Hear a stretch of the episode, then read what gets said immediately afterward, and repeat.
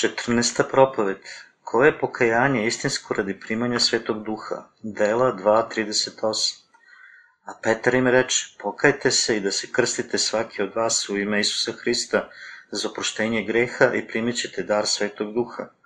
Biblija kaže u delima 2 da Petrove besede pokreću ljude dubinski i uzrokuju da se pokaju od svojih grehova. Oni su bili obrezani u srcima i rekli su Petru i ostalim apostolima, šta ćemo činiti? Tada je Petar odgovorio, pokajte se i da se krstite svaki od vas u ime Isusa Hrista za oproštenje greha i primit ćete dar Svetog Duha. Dela 2.38 Petrove besede su nam jasno pokazale da je vera u divno evanđelje vode i duha zaslužna za primanje Svetog Duha. I to nam takođe pokazuje šta je istinsko pokajanje.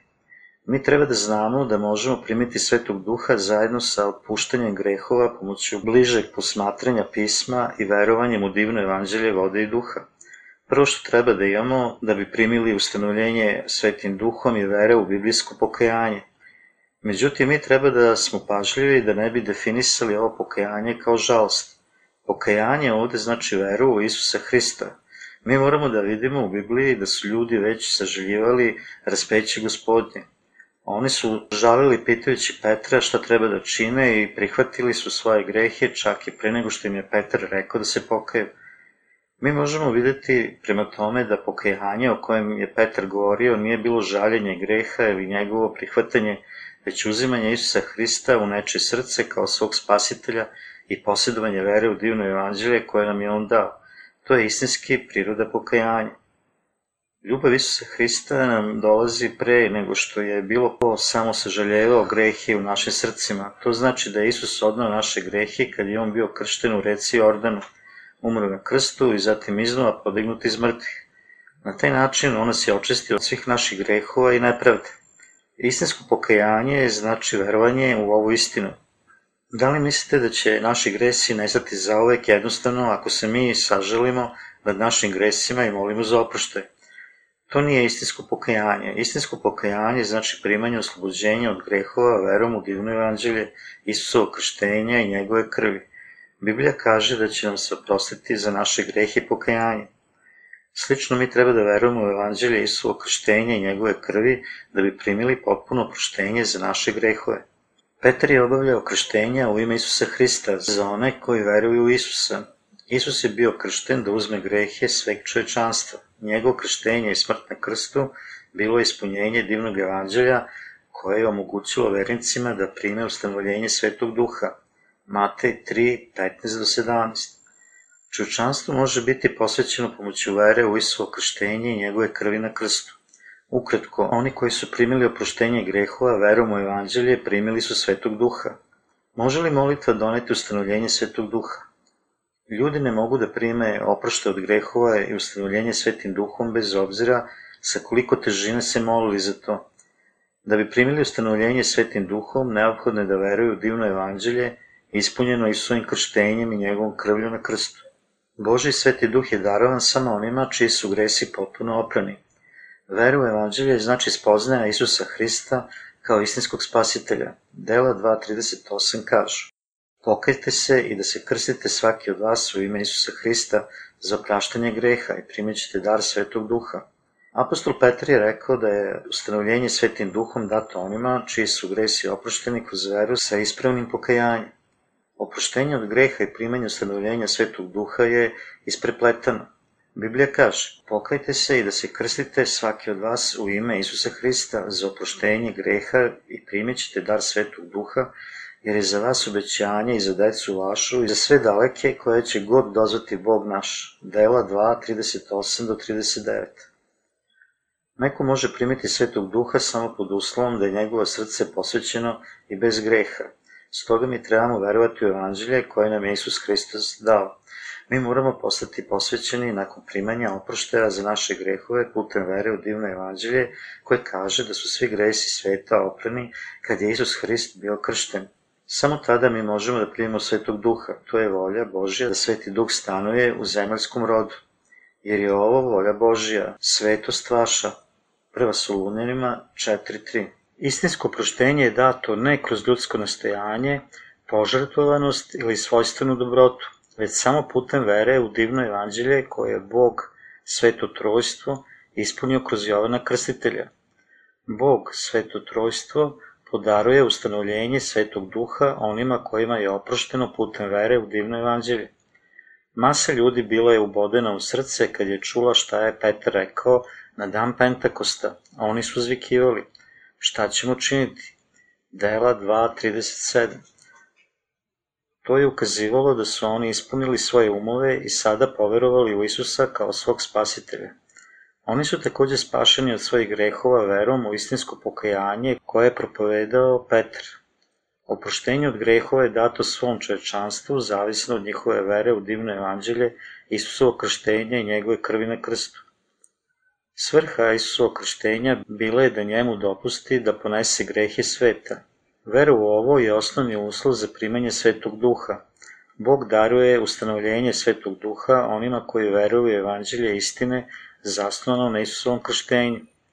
I krstiši se, Isus izađe odmah iz vode i gle, otvoriše mu se nebesa i vide duha Božije gde silazi kao golub i dođe na njega. Matej 3.16 Dolazak Svetog Duha na dan Pentakosta bilo je posebno povezano sa apostolskom verom u divno evanđelje, Isusovo krštenja, njegove smrti na krstu i raskrsenja. Dela govore da su ljudi bili krštavani u ime Isusovo i da su primali Svetog Duha. Mi verujemo da je primanje ustanovljenja Svetim Duhom jedan poseban dar od Boga. Da bi primili dar Svetog Duha, svi naši gresi treba da su oprani kroz veru u Isusovo krštenje i smrt na krstu. Saglasno delima, svi oni koji su čuli Petru besedu u kojoj on rekao Spasite se od ovog pokvarenog roda, dela 2.40, obratio je njihove misli i krstio ih. Ono što učimo iz Biblije je da su apostoli u danima rane crkve primili svetog duha na osnovu svoje vere u krštenje Isusa Hrista i njegove krvi na krstu. To je osnovan uslov za primanje svetog duha. Vera u krštenje Isusovo i njegovu krv na krstu je neophodna ako neko traži oproštenje od greha. Vera koja nas vodi da primimo svetog duha kroz istinsko pokajanje.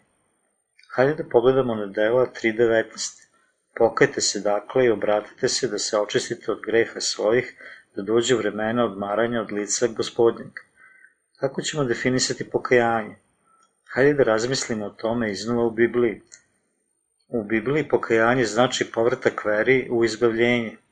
U tim danima ljudi su se ponašali kako su hteli i obožavali su stvari koje je Bog stvorio, ali nakon što su shvatili da ih je Isus Hristos spasao od njihovih grehova sa vodom i svojom krvlju, oni su bili preobraćeni.